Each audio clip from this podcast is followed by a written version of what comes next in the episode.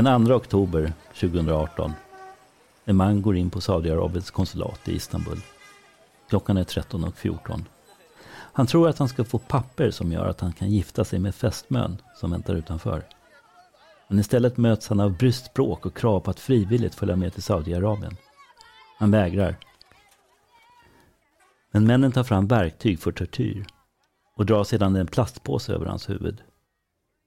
Några minuter senare är det över. Han kvävs. Därefter styckas hans varma kropp. Delarna förs till konsuns hem där de bränns. För att dölja doften för grannarna har en stor mängd kött beställts till en påhittad grillfest. Utanför konsulatet väntar fortfarande fästmön. Mannen som mördades var journalist och skrev artiklar som retade upp ledningen i Saudiarabien. Han hette Jamal Khashoggi och jag heter Erik Larsson. Jag heter Siri Hill och det här är Pressfrihetspodden.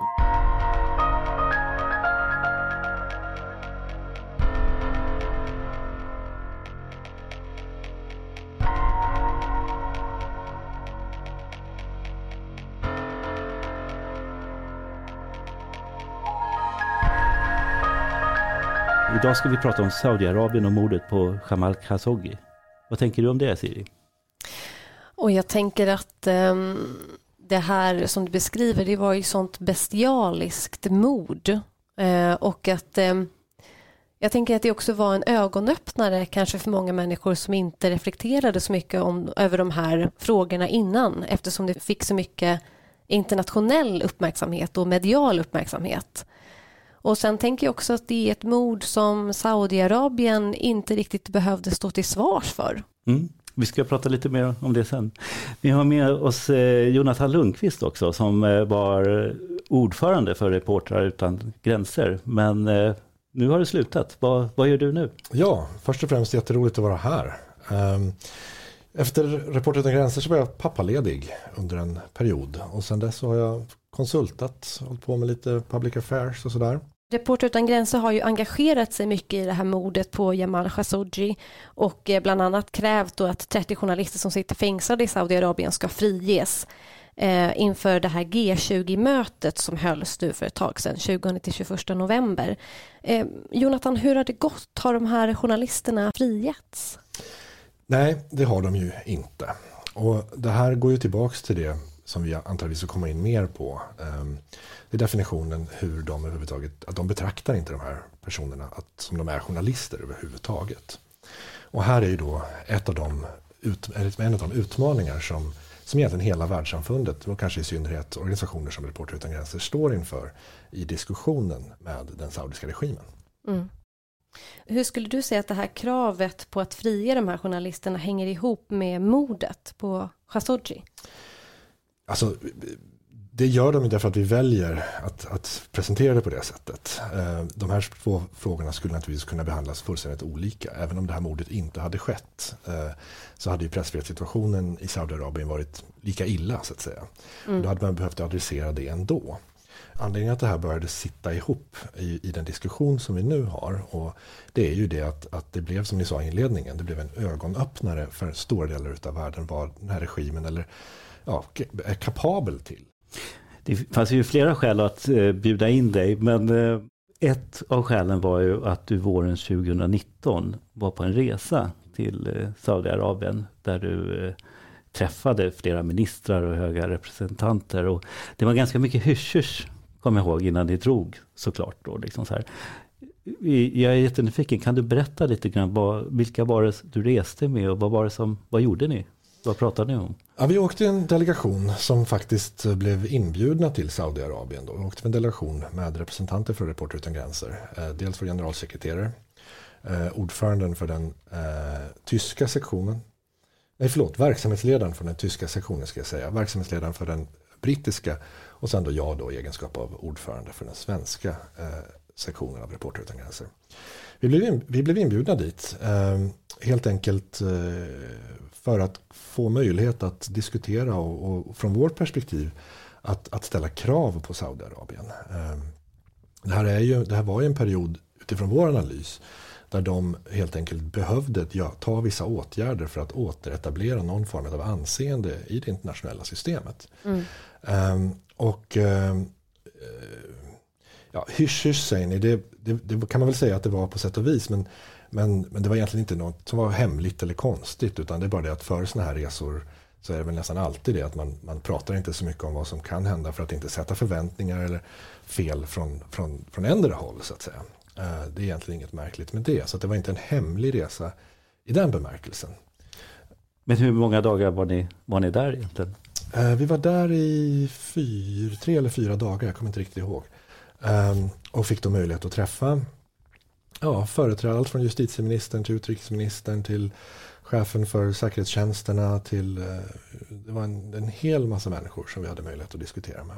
Och det var naturligtvis oerhört intressant och en, eh, ja, också en ögonöppnare inför ett samhälle som är ja, det går nästan inte att överdriva hur, hur radikalt annorlunda eh, samhällsstrukturen är. Eh, från det vi är vana vid i det svenska men också i det, om man, om man tittar bredare, det västerländska liberaldemokratiska systemet.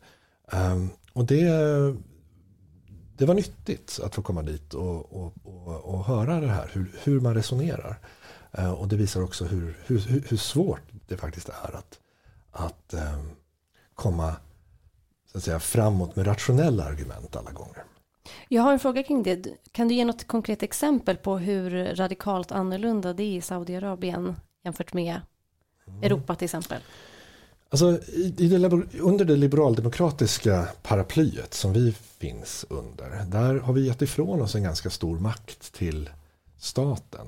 Eh, och vi accepterar till exempel att rättsväsendet går in och, och, och agerar då i, även i till exempel privata konflikter, i, i konflikter inom familjer exempelvis. Mm. Ehm, det vill säga att det finns egentligen den minsta beståndsdelen i det liberaldemokratiska samhället, det är individen. Men och det är inte unikt för Saudiarabien, men så finns det flera nivåer. Ehm, du har, förutom individen som förvisso har en plats, det har den absolut, men så finns också familjenivån och sen finns det ytterligare någon form av klan eller släktnivå. Och sen finns dessutom det här, det här rättsväsendet eller staten som en aktör. Men, men man, är inte, man har inte riktigt samma relationer emellan de här olika enheterna som vi är vana vid. Och det här kunde ju få då sådana här eh, ganska märkliga, man får lägga, använda ett ord som kan riskera att vara lite värderande, men det, det kan kosta på mig att vara tycker jag. Men att man får den här märkliga eh, effekten att i vissa lägen kan inte, ens om rättsväsendet skulle vilja släppa en fånge, mm. så kan man inte det. På grund av att eh, den här personens pappa inte har förlåtit honom till exempel. Man pratar med justitieministern mm. och man tycker att man sitter på samma, man förstår varandra. Eh, men han, han, kan, han uppfattar ändå att hans händer är bundna på grund av släkt och familjerelationer i, i de här fallen. Men vad sa de då? Alltså du träffade flera ministrar, du träffade jättehöga representanter och jag antar att ni frågade om mordet, det var ju därför det var där. Alltså, vad sa de till er? Um, först och främst så ska jag väl säga det att på grund av att inte vi ville um, hamna i direkt clinch så undvek vi att gå in och prata om detaljer om mordet. Vi ville liksom inte gå in och stöta och blöta om fakta därför att vi befann oss också i ett kunskapsunderläge. Den här inledningen hade inte funkat i Saudiarabien? Alltså de hade lyssnat på vad vi sa och de hade skakat lite på huvudet. Eh, så, men, men, men vårt resonemang, det som vi försökte föra, det, det var mer att ni förstår ju hur ni uppfattas utifrån. Eh, vi har ett pressfrihetsindex och som ni ligger på 100, jag tror 170 plats nu. De låg på 172 förra året. Ja, precis. Visst mm. var det så. Ja, det var en liten annan siffra när vi var där. Um, men, men det är i alla fall i den absoluta botten. Och, och, och vårt resonemang handlade helt enkelt om, eh, försökte nästan ställa frågan, skulle jag inte vilja att det här blev lite bättre? Och, och så försöker föra ett, den, den, typen av dialog. Eh, och sen så var det ju en sak till då som vi, som vi istället ville prata om. Det var att vi ville se konkreta eh, den konkreta handlingen skulle vara att frige då vissa av de här personerna. Eh, mm. Eller helst alla eh, mm. som var då fängslade eh, och som vi betraktar vara journalister. Men uppfattar du att de blev besvärade när de tog upp det här fallet? Eller? Hur var deras reaktion? Ja, men ja, de, de blev besvärade på en annan nivå kanske än vad, jag, eh, än vad jag hade förväntat mig. Vi funderade länge på varför bjöd de överhuvudtaget in oss? Just. Eh, vad, vad, vad var liksom meningen med det här? Mm.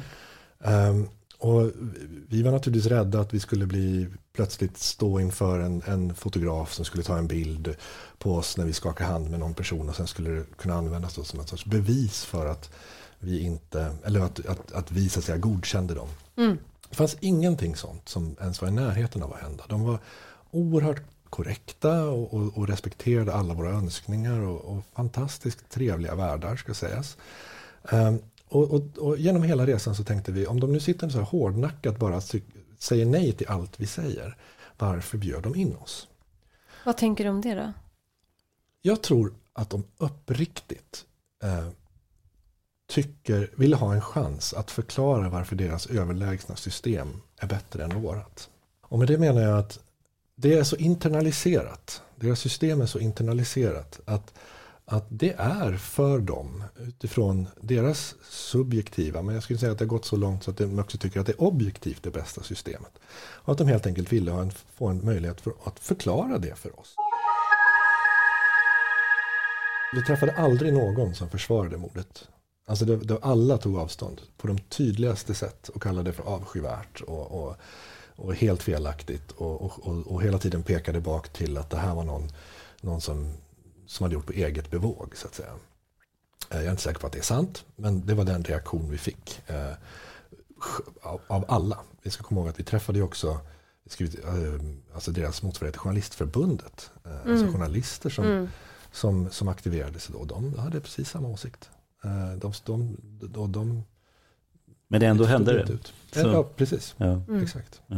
Med tanke på det systemet som du nu beskriver i Saudiarabien också med tanke på att de inte vill liksom kännas vid något ansvar när det kommer till mordet. Vad hade ni för förhoppningar med den här resan? De menar ju att de tar ansvar genom att de då har åtalat och dömt de här personerna. Eh, problemet blir ju då att återigen, vi är ju vana vid öppna domstolsprocesser så, så man ska kunna värdera bevis. Journalister till exempel ska kunna värdera bevis och avgöra om den här processen har gått rätt till. Just det. Eh, men eftersom de inte har den ordningen så hamnar vi nu i ett läge där vi måste bara lita på deras system som, som vi med, kanske med viss rätt går, här, utgår från är ett, är ett korrupt system. Eller mm. ett, ett, ett, eh, att det, det, kan vara skenrättegångar och sådana här saker. Um, men de menar ju, de, de, de, utifrån deras perspektiv så menar de att de tar ansvar. Mm. Och att, de, att det här var ett avskyvärt dåd. Eh, så här, så här, i efterhand, eh, tyckte du det var rätt att åka? Eller eh, vad tycker du om resan så här efteråt? Alltså jag, jag, tycker den där frågan, den kommer upp ganska ofta. Och jag, jag tycker frågan är lite, jag ska vara uppriktig tycker jag den är lite märklig. För vad är alternativet? Vad, vad, om, om, vi inte pratar med dem vi inte, som vi inte är överens med, vad, vad ska vi då göra? Ska, alltså, orden är ju det enda vi har. Och, och, i synnerhet när vi är så osams att vi knappt kan komma överens när vi pratar med varandra. Så då är alternativet nävarna. Och det vet jag inte, jag tycker inte det är, något, det är bättre. Um, återigen, jag, jag nämnde det, men det, det som man är försiktig med i sådana här resor det är naturligtvis att man inte blir, se till att man inte blir utnyttjad på något sätt. Uh, och det kan man naturligtvis det, det, kan man ta åtgärder för att inte bli. Men annars så tror jag att det är ett jag tror att, att, att använda, det är, det är det diplomati är. Och, och diplomati går mycket längre än, än, bara mellanstatligt tycker jag. Och det borde göra det. Även Reportrar utan gränser som civilsamhällesorganisation. Röda Korset och Amnesty och alla de här har ju en, en, en roll eh, i, i, den här, eh, alltså i det här systemet.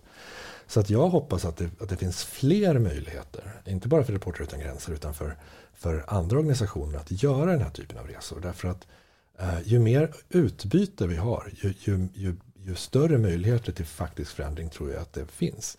Sen så kommer det inte gå fort. Eh, men de här förändringarna går aldrig fort. Och jag tror att ett av de misstag som man kanske gör eh, oavsett eh, vad man tittar på i världen är att, att, man blir lite för hungrig lite för snabbt. Jag tror att, att de små stegen blir ofta bättre. Alltså reform är ofta bättre än revolution. Eh, revolution brukar ofta slå tillbaka och, och mm. innebära en, en hundratals år utav, utav stridigheter innan man har hittat en jämvikt igen. Men en, en, en reformprocess som får ta sin tid. Eh, kan vara mer produktiv i det långa loppet. Um, och det är helt klart att uh, Saudiarabien har en lång resa framför sig om de ska kunna bli välkomnade under någon sorts liberaldemokratiskt paraply där vi befinner oss. Uh, mm. Jag hoppas att de är på väg på den vägen. Men jag tror heller inte det kommer bli en rak resa. Utan det kommer vara ett steg fram och två tillbaks ibland. Eh, men, men så länge viljan finns där, den uppriktiga viljan. Och den, eh, ja, jag vågar faktiskt inte riktigt säga om jag tror att deras vilja är uppriktig eller inte. Jag tycker man ibland får man det beror lite grann på vilken sida jag vaknar på på morgonen tror jag. Det, det är ju många som spekulerar om just Saudiarabien och vilken väg de håller på att ta just nu. Sådär. Och eh, alltså, det är ju tveklöst så att det är kungahuset al-Sad, de håller ju befolkningen i ett järngrepp fortfarande. Man eh, avrättar folk, det är yttrande, någon yttrandefrihet finns inte. Och kritik mot kungen straffas jättehårt. Och landet ligger ju, precis som du sa, på 170 plats av 180. Men de senaste åren så har det ju faktiskt skett lite svängningar och då är det ju kronprinsen Mohammed bin Salem som har gjort flera utspel. Och bland annat får kvinnor numera köra bil i Saudiarabien. Det fick Nej. de Det är värt att fira. Ja, det är värt att fira. Du, Siri, du har en till anledning att fira här för att kvinnor från sedan förra året så får kvinnor även använda samma entré till restauranger som männen. Alltså, vad mer kan man önska sig? Ja, det är ganska mycket då om man ska prata med kvinnorna som lever i Saudiarabien. Men i alla fall så jag gjorde faktiskt så att jag ringde precis och pratade med Ina Tinn som jobbar på Amnesty i Norge. Och hon är eh, före detta journalist som eh, har jobbat på NRK. Men eh, hon, nu sedan ett par år tillbaks så jobbar hon på Amnesty. Och jag frågar henne om Saudiarabien håller på att bli demokratiskt. Och jag tänkte att vi skulle spela upp och höra vad hon säger.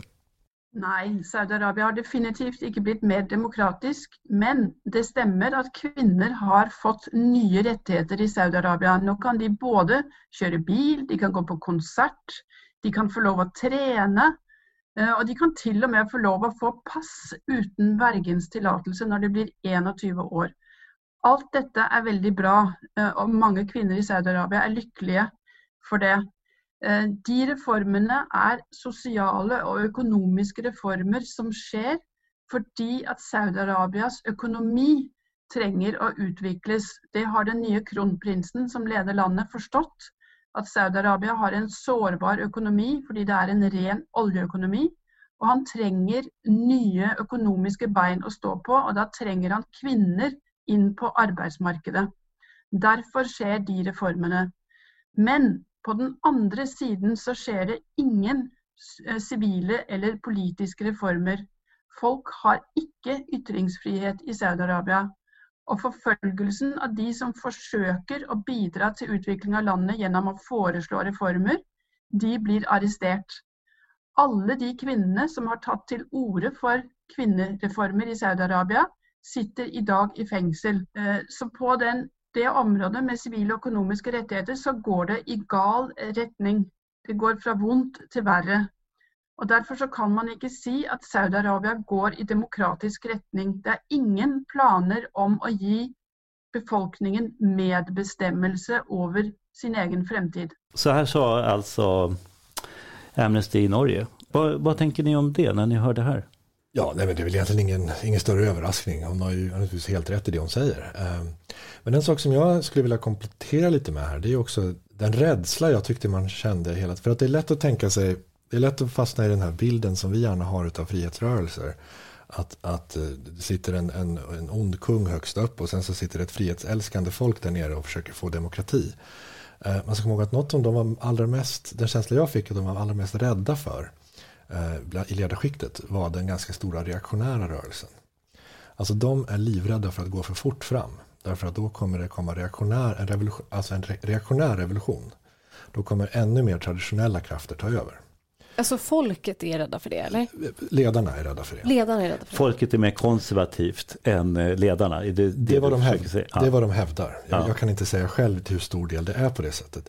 Men man ska komma ihåg att vi har, Saudiarabien är ett land med en stor historia utav islamistisk extremism. Eh, Allt ifrån 11 september-bombarna till liksom, alltså det, det, Saudiarabien har en extremt stark religiös extrem eh, underström. Mm. Och ledarna ser sig själva som att försöka balansera de reaktionära krafterna i samhället mot de mer liberala delarna i samhället och försöka flytta långsamt i rätt riktning, i, i den så att säga, frihetliga riktningen från vårt perspektiv. Då. Men, men eh, de uppfattar sig inte, åtminstone i så som de kommunicerar, inte som att de eh, är de som håller tillbaks, utan att de leder utvecklingen eh, och försöker hålla reaktionärerna borta. Mm. Mm. Jag tänker på en sak. Det här mordet på Jamal Khashoggi. Alltså, eh, vilken effekt har det fått för andra journalister runt om i världen? Har, det, har man blivit mer rädd för att rapportera eller vilken effekt har det fått? Oj, ja, det är ju jättesvårt att säga. Alltså såna här, överhuvudtaget så kan man väl säga att, att eh, eh, den här typen utav, utav mord som får den här typen av uppmärksamhet, eh, eller händelser som får den här typen av uppmärksamhet, har ju en positiv sida och det är att vi börjar prata om betydelsen av journalistik, betydelsen av yttrandefrihet och så vidare. Och det finns det här, det här eh, att det här exemplet alltid görs levande. Liksom. Eh, den, den möjligtvis negativa skulle väl vara att man kanske blir blasé eller att en, en, en stat tänker sig att "Ja, men se vad de kom undan med, vi kan försöka också. Och så blir, och dra stumskruven åt ytterligare. Eh, jag, jag, tycker, jag tycker det är jättesvårt att säga någonting generellt om det. Ehm, däremot så, så ja, d, d, nog, nog tror jag att, att äh, det, det har gett positiva effekter i den mening att det har, det har verkligen diskuterats. Mm, precis. Jag tänkte tänker Bitte Hammergren på Utrikespolitiska institutet har ju gjort en analys av det här och menar att eh, regimen troligtvis ser det här som ett stort misstag eftersom eh, det fick allvarliga ekonomiska konsekvenser. Att investerare ställde in investeringar och så vidare. Men, Ja, ja, helt, helt klart för Saudiarabiens fall, absolut. Eh, Ja, hotbilderna kan ju, den uppfattade hotbilden, subjektivt uppfattade hotbilden för enskilda journalister, eh, ja, i, i vissa länder kanske den har gått upp på grund av att de, de får höra hur, hemskt, hur fruktansvärt hemskt det kan gå. Um, å andra sidan kanske den för, för somliga andra har känts som att, ja men, se vilken otrolig uppmärksamhet det här fick, nu, nu vågar jag kanske göra lite mer. Men det, det där tror jag är bäst att, att fråga de som faktiskt jobbar under sådana förutsättningar uh, och hur de eventuellt tänker på det. Om man tänker på pressfriheten i Saudiarabien, tror du, hur tror du att det kommer se ut i framtiden? Tror du att det kommer bli bättre eller på vilket sätt kommer det förändras? Ja, i bästa fall så kanske sådana här förändringar eh, kommer en efter en annan. Och man lyckas ställa om då från oljeberoende, en oljeberoende ekonomi till en investeringsekonomi istället. Och att man då är villig att göra ännu fler sådana här förändringar. Och att man ser då på två, tre generationer kanske vi kan ha någonting som liknar eh, press och yttrandefrihet i, i ett europeiskt, med ett europeiskt eh, mått mätt. Eh, men däremot tror jag fortfarande att även i det bästa av de scenarierna så, så kommer fortfarande familjeenheten vara väldigt stark. Det kommer vara för oss ett, ett väldigt reaktionärt samhälle fortfarande. Ehm, och, för det, det, här pratar vi hundratusentals, förlåt, hundra och upp till tusentals år eh, av traditioner som naturligtvis man inte, man inte gör slut med på bara en handvändning. Mm. Eh, Men man kan, man kan lika väl tänka sig någonting tvärtom. Man skulle kunna tänka sig att, att eh, proppen går ur, eh, olje, alltså oljeintäkterna försvinner och eh, världen vänder sig någon annanstans och gör sina investeringar och plötsligt så har du då de här reaktionära revolutionärerna, Eh, alltså de religiösa extremisterna som tar makten och då plötsligt så är Saudiarabien någonting helt annat. Och det, det finns så många svarta svanar, det finns så många variabler för att jag ska kunna gissa. Som sagt, man kan bygga hur många scenarier som helst. Jag tänker på det här med förändring och reformer. Jag upplever att det, det är som att en regim behöver, man behöver liksom känna att man tjänar någonting på att göra vissa reformer. Jag tänker på det här som, som vi pratade om tidigare med att kvinnor nu till exempel får köra bil, de har i viss mån gett sig in på arbetsmarknaden och det handlar väldigt mycket om att man ser kvinnor som en ekonomisk resurs Och därför så tilldelar man dem också vissa rättigheter.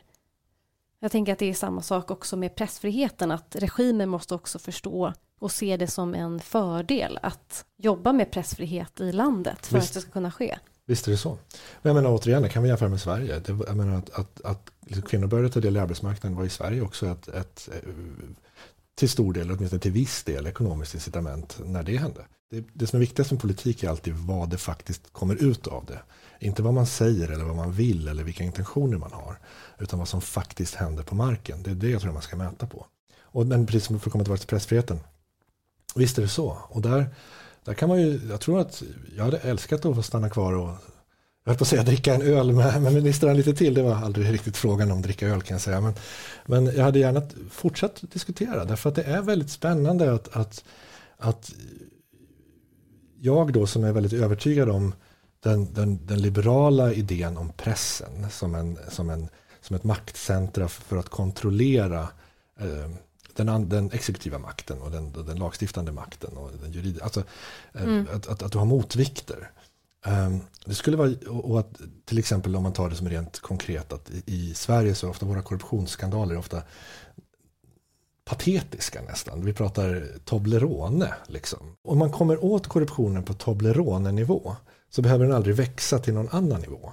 Just det. Det, det är så att vi ska vara glada att vi har korruptionsskandaler som är triviala, om man får vara lite så. Någon hyresrätt här och där som har delats ut till någon. och så, här. så Vi pratar, Det är inga stora strukturer, liksom.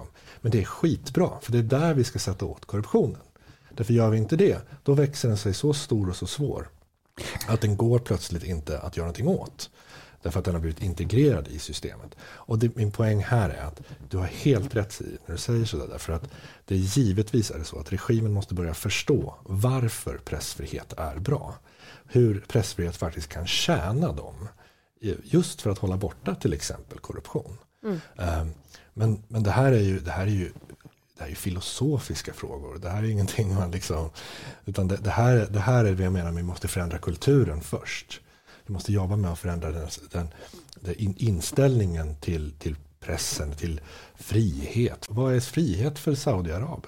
Jag tänker så här, om, om, vi lämnar filosofin nu ett tag och skitar ner oss våra händer med verkligheten. Du är en av de personerna som har gjort saker för att eh, förbättra pressfriheten i Saudiarabien. Du har kämpat för det du tror på, du har eh, rest dit, du har lyft frågan om mordet på Jamal. Liksom så här. Eh, men vad tycker du övriga delar av civilsamhället ska göra för att öppna upp den här slutna, det här slutna konservativa landet? Oj, det där är jättesvårt. Uh, givet... Och nu, nu, får du inte filosofera. Nej, okej. Okay. Nej, men uh, jag, jag, alltså, jag ska väl säga att det är inte alltid så att utbyten, jag tror inte på att bara för att man åker och spelar fotboll med varandra så ska allt ska bli världsfred. Det är liksom så, så, så naiv är jag inte. Uh, men jag tror att när man blir inbjuden av sin fiende för att förklara sin position så ska man ta den inbjudan på allvar och faktiskt ge dem en chans att möta deras blick. Eh, det, det, det, tror jag är bättre än att, än att svara med en örfil. Eh, eh, men, men, men sen så, ja, jag, jag, tror att Amnesty, Röda Korset, alla de här organisationerna som rör sig på just rättighetsnivå, där vi pratar fundamentala negativa rättigheter till att börja med. Sen kan vi börja prata om de positiva rättigheterna. Vad menar du med negativa? Kan vi reda ut det? Så. Alltså allting upp till och med 23 i, i, i, till och med 22 i FNs konvention om mänskliga rättigheter. Alltså de rättigheter som inte någon annan måste betala för. Uh, till exempel yttrandefrihet, demonstrationsfrihet, uh, mötesfrihet, uh, rätten till liv. Mm. Sånt, som, sånt som man har, så att säga, o, alltså oavsett om staten kan finnas med och betala för till exempel sjukvård som är en positiv rättighet. Um, och, men, men och, organisationer som håller på med den typen av frågor tycker jag bör på de sätt som de ligger nära deras egen verksamhet försöka använda påtryckningar på så många sätt som möjligt. Det kan vara ekonomiska påtryckningar också. Jag tycker det är helt rimligt att företag till exempel drar tillbaka investeringar eller inte investerar och sådär. Det, det tycker jag är en, en helt eh, eh, till och med eftersträvansvärt eh, ganska ofta. Um, men, men däremot så, så, tycker jag också att man och återigen, det här är inget försvar för Saudiarabien, men vi har enorma problem med det här runt om i världen. Jag tycker Kina är ett av de här fallen som, som vi verkligen eh, eh, spenderar lite för lite tid med att, att eh, uppröras över. Eh, och vi, mm. vi gärna fokuserar på andra mindre länder istället. Eh, och vad det beror på kan man filosofera nu kommer du dit igen. Det blir nästa avsnitt kanske? Ja, precis. Filosofiska rummet, det är ett annat podd, Jonathan.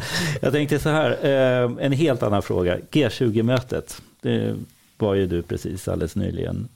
Och eh, det handlar om framförallt hur de 20 rikaste länderna i världen ska tackla coronapandemin. Eh, och ja, jag skulle gärna vilja höra din tanke kring hur du tror att pandemin kommer att påverka pressfriheten och demokratin. Du har ju trots allt varit ordförande för Reporter utan gränser väldigt länge och har en bred erfarenhet.